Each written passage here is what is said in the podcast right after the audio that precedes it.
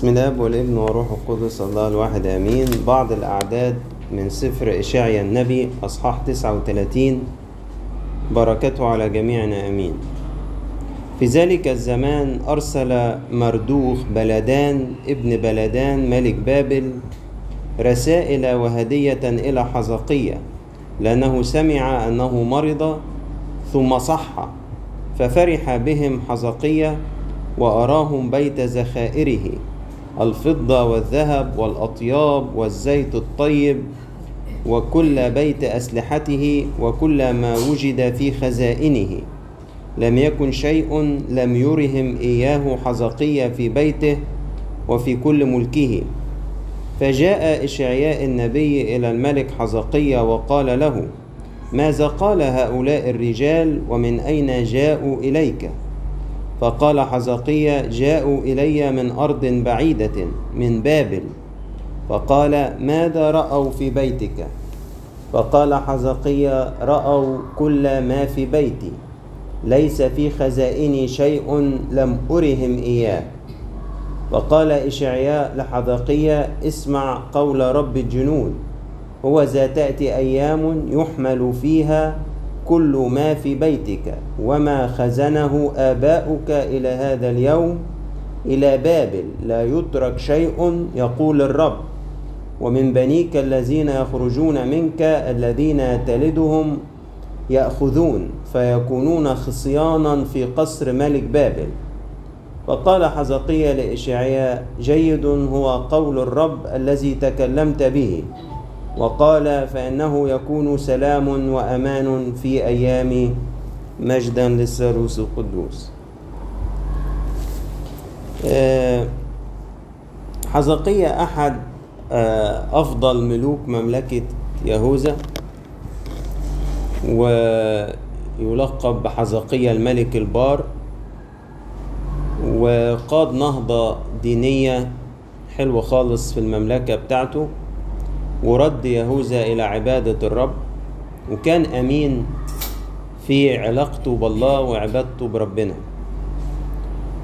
وحزقية مذكور عنه في سواء في سفر الأخبار أو في سفر إشعيا إنه مر بأكتر من محنة في أيامه. يعني طبعا الهجوم بتاع ملك أشور لما أخذ مدن يهوذا الحصينة وكمان حاصر العاصمة أورشليم. ويمكن تذكروا إزاي في الوقت ده حزقية سمع وقرا رسائل التهديد اللي كان بعتها سنحريب ملك أشور عن طريق ربشاقي المرسل بتاعه. وازاي كانوا بيعير الله وبيعير شعب الله وبيخوفهم وبيقول لهم على مين حزقية خلاكم تتكلوا. ما كل آلهة الأمم دي اللي أنا غزيتها ما قدرتش إن هي تحمي شعوبها. وأنتوا فكركم أنا أصلا جاي لهنا كده لوحدي ده أنا الرب هو اللي بعتني اللي حزقية هدم مذابحه. مغالطات كذب على تهديد على تخويف. وقال له هو اتكلتوا على مصر دي مصر دي زي قصبة تخرم كف اللي يتكل عليها. هكذا ملك مصر للذين يتكلون عليه. إيه وكلام بذيء وكلام وحش. ما كان من الرسل اللي كان بعتهم حزقية إلا أنهم صمتوا وخدوا الرسائل. وجابوها لحزقية الملك وحزقية الملك دخل صلى في الهيكل ونشرها أمام الرب وقال له افتح يا رب عينيك وانظر وأمل أذنك واسمع الكلام الذي تكلم به ملك أشور. فربنا ساعتها بعت له إشعيا النبي ورد على استهزاء رسل سنحريب باستهزاء مقابل. قال له احتقرتك واستهزأت بك العذراء ابنة صهيون ووعد حزقية وقال له أحامي عن هذه المدينة لأجل نفسي ولأجل داود عبدي. وشفنا إزاي ربنا أرسل ملاكه وضرب 185 ألف من جيش سنحريب. تاني يوم كانوا كلهم جثث ميتة وسنحريب هرب واستخبى في بيت إلهه نسروخ ودخل اتنين من أولاده قتلوه. وشفنا محنة تانية ذكرت عن حزقية لما مرض للموت. جاله مرض مش معروف إيه هو بس كان مرض الموت. فجاله أشعيا النبي قال له أوصي لبيتك لأنك موتا تموت. فساعتها حزقية تألم وودى وشه للحائط وبكى بكاء مر. وصلى وقال له يا رب أذكر كيف سلكت أمامك بالأمانة كل السنين دي. وكان متأثر جدا وربما تأثره جاي إنه كان لسه يعني سنه صغيرة نسبيا. يعني مش السن المتوقع إنه الشخص إيه ينتقل فيه أو يموت فيه. إلى جانب طبعا هيبة الموت و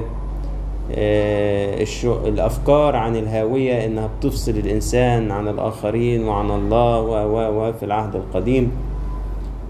فلما بكى كده مسافة ما أشعيا النبي عدل وشه وماشي من القصر. ليه ربنا بعت له رسالة تانية يقول له إيه؟ خش وقول لحزقية إن أنا إيه رأيت دموعك وسمعت صلاتك وهضيف لعمرك 15 سنة تاني والعلامة إنك هتلاقي ظل الشمس يرجع لورا. عشر درجات وساعتها أشعيا أوصل أطباء بتوع حزقية إن هم يحطوا رفادات كده على الدمامل اللي كانت ظاهرة في جسد حزقية وبالفعل شفي دول يمكن حدثين معروفين ومشهورين عن حزقية لكن بيختم لنا أشعيا سرده عن حزقية الملك بحادثة كانت سلبية.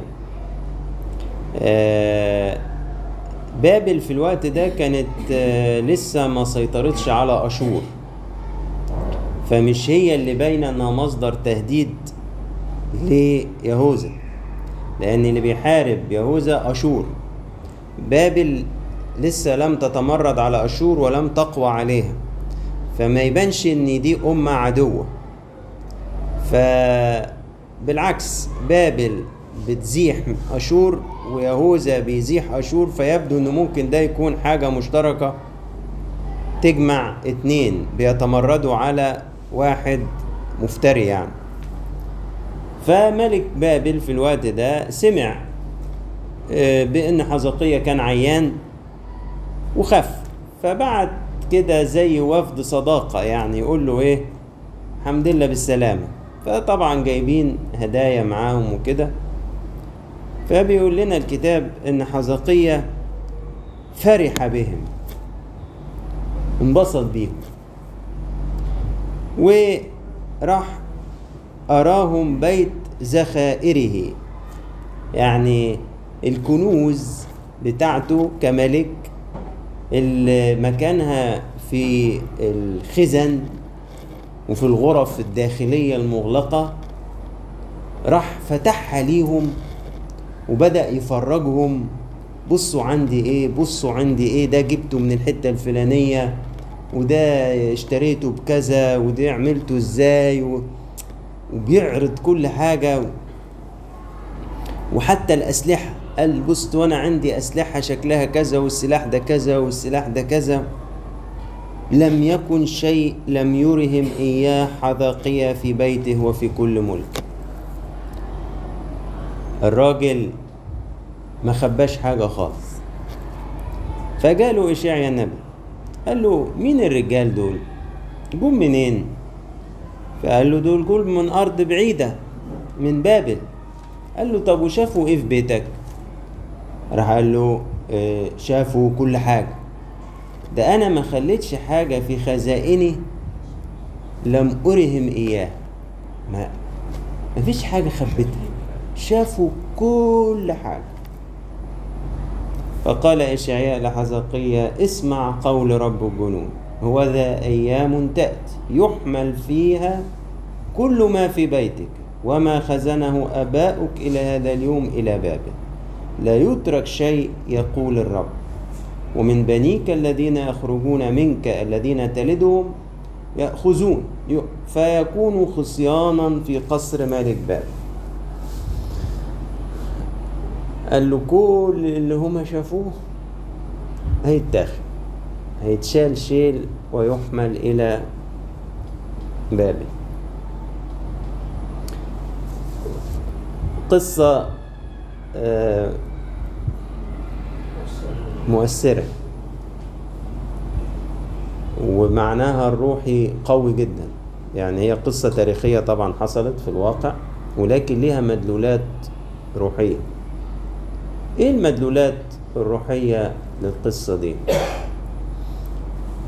ممكن الواحد ينتصر على المواجهات الصريحة الواضحة في الحياة الروحية زي انتصار حزقية على ملك أشور. هنا العدو جاي بوضوح إنه عدو. العدو جاي بوضوح إنه إيه؟ إنه عدو. بيهددك بيخوفك بيشككك في إلهك. بيقولك ولا هيقف جنبك. بيقولك ولا تقدر عليا. بيقولك ده أنا هعمل فيك وأسوي. عدو. واضح. باين. مواجهة. في الحياة الروحية باينة دي خطية كذا باينة هنا باينة دي شهوة. دي شهوة جسدية ده ده طمع ده آه، دي حرب فيها بغضة وكراهية. باين خالص إن إبليس بي- بيحاربني بيحاربني بيحاول يضعف إيماني. بيحاربني بيحاول إن أنا أسقط في خطية نجاسة. بيحاربني إن أنا آه، أطمع في ممتلكات غيري. باينة إنها حرب. بيقول لي على فكرة مسيرك هتقع في إيدي مش هتقدر تقاوم. على فكرة ياما ناس كانوا في الكنايس وبعدوا. على فكرة ياما ناس بدأوا مع ربنا ورجعوا لورا وقدرت عليهم. سمعتش عن القديس الفلاني اللي قاعد مش عارف قد إيه وأنا أسقطته في كذا؟ سمعتش عن مش عارف مين وأنا في الآخر وقعته في كذا؟ مش فاكر أنت الخادم اللي كان في الكنيسة عندكم وزمان وكنت بتحب تسمع له وأبونا فلان الفلاني والخادمة فلانة الفلاني فينهم دلوقتي؟ دول راحوا فين؟ كلهم دول أنا أسقطتهم. هنا العدو بوجهه القبيح زي ما عمل سنحريب من خلال رسل ربشاقي. في الحالات دي انتصر حزقية انتصر. عمل إيه؟ ما ردش خالص على العدو خد بعضه ودخل صرخ لمين؟ لربنا. وقال له يا رب اللي عملوا في الأمم الأخرى دي لأن آلهتهم مش آلهة. لكن أنت الله الحقيقي. وراح بإيمان وتذلل. كان شال لبس الملك ولبس المسوح وتواضع أمام الرب ودخل بيت الله وفرد رسائل التعيير وبإيمان شديد. قال له يا رب افتح عينيك وانظر وأمن أذنك واسمع. وصلى. صلاة عميقة من قلبه واستنجد بربنا واتكل على ربنا وبعت يطلب صلاة رجل الله اللي هو إشعيا النبي. وبالفعل انتصر. لكن العدو بتاعنا عدو رزل لا ييأس ويغير باستمرار من جلده. فيجي يروح بدل ما جه في أول مرة بعداوة صريحة المرة دي جاي في صورة طلب ود وطلب صداقة. يعني ده مستخبي. أنت مش هتكتشف إنه عدو وأنا مش هكتشف إنه عدو لأنه مفيش حاجة واضحة. ده واحد باعت رسل يقولوا للراجل مالك عندنا بسلامتك عندنا بسلامتك ألف سلامة. إحنا سمعنا إنك كنت بعافية ودلوقتي بقيت كويس وبتاع ودي حاجة بسيطة حلاوة سلامتك. مفيش ملامح خالص لعداوة. فخاخ في الحياة الروحية. يعني إبليس ما نجحش إن يوقعني في الشهوة اللي كان عايز يوقعني فيها. يسقطني في النجاسة اللي كان عايز يسقطني فيها أو ما نجحش إن أنا أفقد إيماني بالله زي ما كان هو عايز. ويشككني في جدوى المسيرة الروحية وفي إن أنا ممكن أكمل ولا لأ. يروح يبتدي يعمل حاجة تانية خالص. يبعت لي واحد اتنين تلاتة. وأنت يا فلان إيه تدبيرك الروحي؟ ماشي إزاي في حياتك الروحية؟ شاركني قول لي يعني. آه تعال أما أقول لك. بص أنا نظام صلواتي كذا. و... وأنا بحب أصلي خالص نص الليل وبتعزى خالص لما بصلي التسبيح. وعايز أقول لك على خبرة روحية كمان مريت بيها. لما يجي إبليس مش عارف يحاربك بالطريقة الفلانية ترد عليه بالطريقة الفلانية. وأنا اختبرت في حياتي سلاح الصلاة. ده رهيب ده فعال جدا. ده أنا لما ابليس بيجي لي بالشكل الفلاني بصلي الصلوات الفلانية ومفيش أحسن من أعمال الرحمة وأعمال الصدقة. تحنن قلب ربنا عليك. وقاعد أنا إيه؟ آه قاعد أفتح في الكلام. ما سبتش حاجة ما قلتهاش. قلت اختبار الروحي قلت ربنا عمل معايا إيه وجابني إزاي وقلت أنا بصلي إزاي وتدبير الروحي إيه وبقرأ كم إصحاح في اليوم وبقرأ إيه كتب روحية وبعمل ميطانيات إزاي وبصوم من الساعة كام للساعة كام. وقلت كل التدبير الروحي بتاعي. فتح خزائنه. فتح خزائنه. قال له لم لا لم يوجد شيء في بيتي إلا واريتهم إياه. فالخبرة بتاعت الآباء الروحيين تقول لك إن كل ده يتسرق ليه يتسرق؟ قال لك أنت وقعت في الفرح بأعمال يديك هو هنا يقول لك حزقية عامل إيه؟ فرح بهم فرح اتبسط طب أنت بتفرجهم على الحاجة دي ليه؟ متهيألي حزقية فاتت عليه فرصة ذهبية للكرازة. الناس دول كانوا يعرفوا يهوى؟ ما يعرفوش يهوى. طب دول جايين يقولوا لك إيه؟ حمد لله. طب مين اللي شفاك؟ دي معجزة مش حصلت له معجزة؟ طب ما حكيت لهمش ليه عن يهوى اللي شفاك؟ حينئذ يصير المجد لمين؟ ليهوى صح؟ لا هو أراهم حاجته إيه؟ هو. إذا هنا في ذات. هنا في إيه؟ في ذات واضحة. يجي لي إبليس مثلا في اجتماع صلاة. صلي بصوت عالي.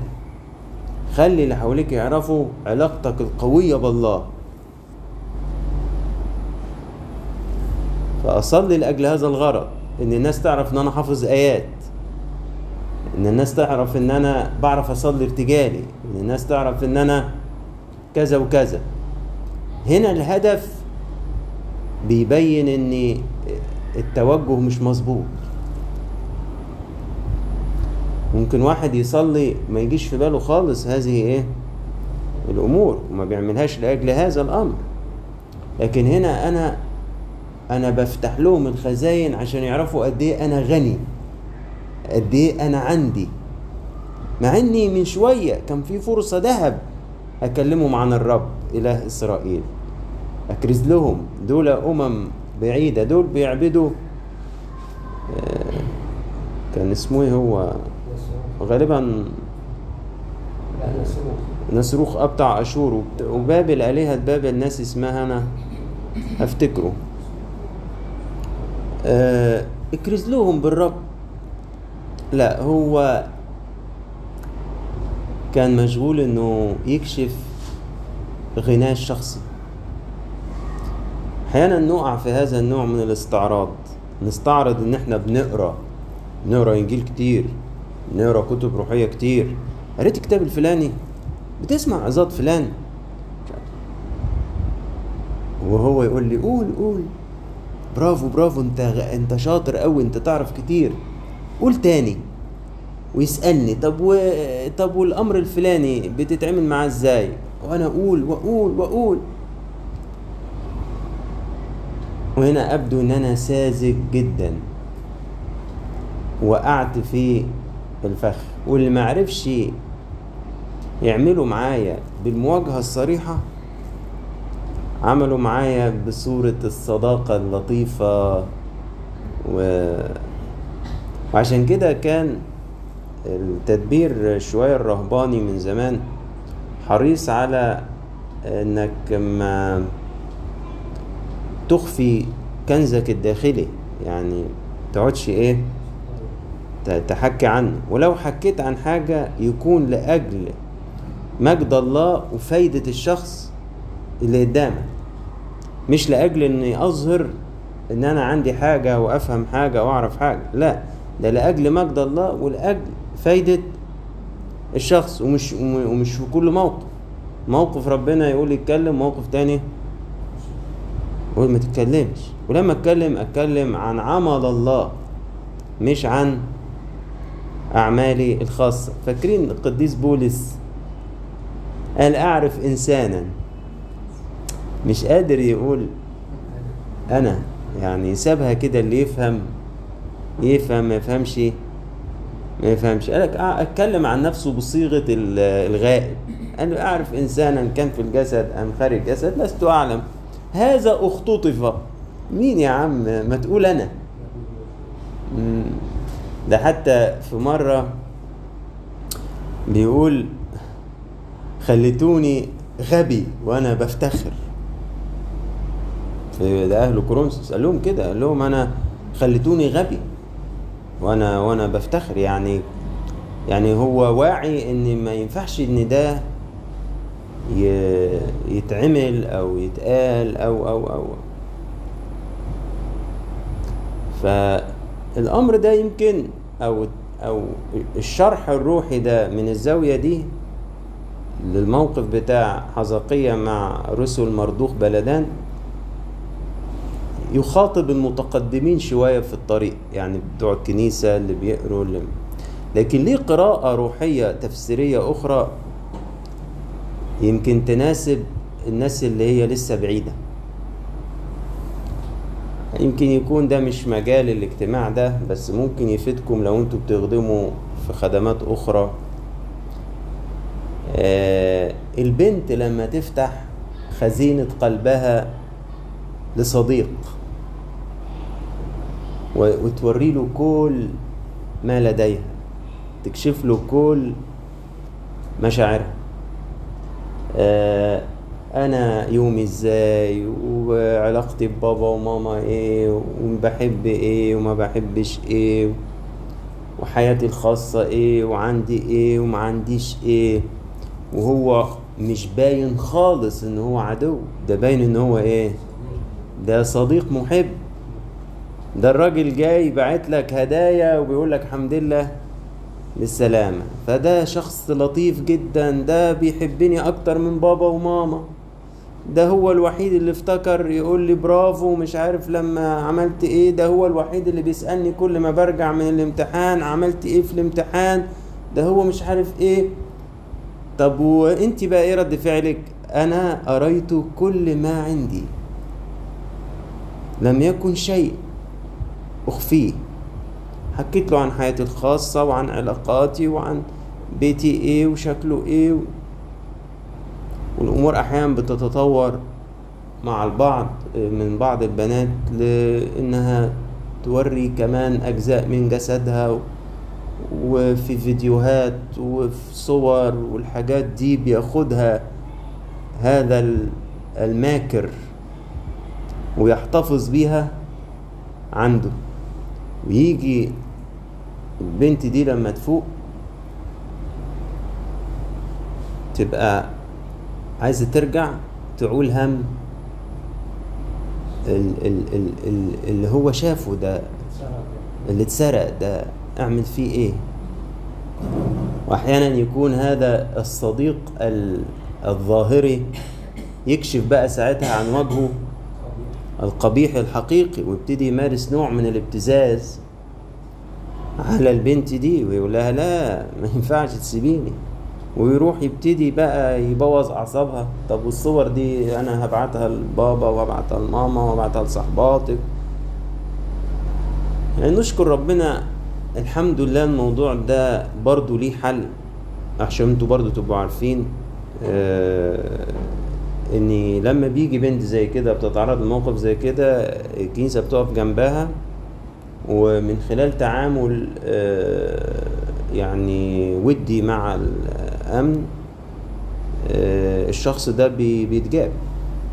اللي هو باعت يبتز ده بالقانون قانون آه أي. اي صورة قانون أي أي. ف- فهو حتى دي برضو لو البنت آه، راحت كنيسة وسألت وعرفت وكده لا برضو ده مش هي مش هيخليها تركع يعني. في وسيلة واستعملناها مرة واتنين وتلاتة والشخص ده بيتجاب. بس هو في بيخوف بقى. أو البنت ممكن تخاف ممكن ما تجيش تكلم حد في الكنيسة ممكن يتهيأ لها إنه مفيش حل ممكن ممكن. فممكن ده يجيب ويخليها ما زالت غرقانة في الأمر ده. لكن هي لو جريت على الكنيسة وسألت وعرفت يعني لسه الأمر ده قريب لسه في قصة زي كده وواحدة معرفهاش بنت معرفهاش وجات لنا في, الاجتماع. وبالفعل يعني في نفس اليوم بالليل نشكر ربنا خلصنا الم- الموضوع ده. وكان فعلا لما هي فاقت وعايزة تمشي بدأ يبتزها يبعت لها الصور دي بتاعتها من نمر غريبة وكانت طبعا منهارة وكلام زي كده بس الموضوع في نفس الليلة يعني نشكر ربنا خلص. بس اللي عايز أقوله إيه؟ آه الحادثة دي بتاعت حزقية ليها مدلولات روحية هامة جدا. جزء بيناسب السائرين في الطريق الروحي واللي بيخدموا واللي بيروحوا الكنيسة واللي ليهم علاقة بربنا. ودول أحيانا يفتحوا الخزائن الروحية اللي عندهم ويتخدعوا ويلاقوا فرصة إنهم يحكوا عن نفسهم وعن الخبرات الروحية اللي عندهم وعن المهارات اللي عندهم في الخدمة وعن الخبرات اللي عندهم. وهم مش واخدين بالهم إنه في واحد بيقول برافو برافو هات كمان. هات كمان انت ذاتك قاعدة تكبر وقاعد تبص لنفسك إنك واو يا ريت الكل يتعلم مني يا ريت يدوني فرصة أتكلم وأقول كل اللي عندي. عشان كده هو سفر النشيد بيقول أخت العروس. عين مقفله ينبوع. بالظبط زي ما بيقول كده يا أستاذ مجدي في سفر النشيد. ومن الناحية التانية برضو دي رسالة للي هم بعيد لسه شوية وما دخلوش في الأجواء دي هم محاربين أيضا بالأمر ده في أمور حياتهم الخاصة وفي جسدهم وفي عواطفهم. دي أمور دي المفروض تكون في خزائن. يعني شوف التعبير يقول لك خزائن. دي حاجة تفول عليها في خزينة. الحاجات دي حاجات مقدسات مش للعرض مش للمتطفلين مش للزائرين الغرباء اللي بيتخفوا وسط قناع من الصداقة الزائفة. وفعلا حزقية طبعا ولا كان يخطر على باله إن سبي يهوذا لن يتم بواسطة أشور. لكن بكل أسف يا حزقية هيتم برسل هذه الدولة اللي انت قريتهم انت طمعته فيك عرفته ان هنا في إيه؟ في كنوز. فهيبتدي يحط عينه عليك هيبتدي يستهدفك انت. هيبتدي يحط في باله ان المكان ده هو ده. ومن هنا الأمر ده فعلا يعني يحمل تعليم مهم. للمبتدئين وللسائرين في الحياة الروحية. ولإلهنا كل مجد وكرامة إلى الأبد. آمين.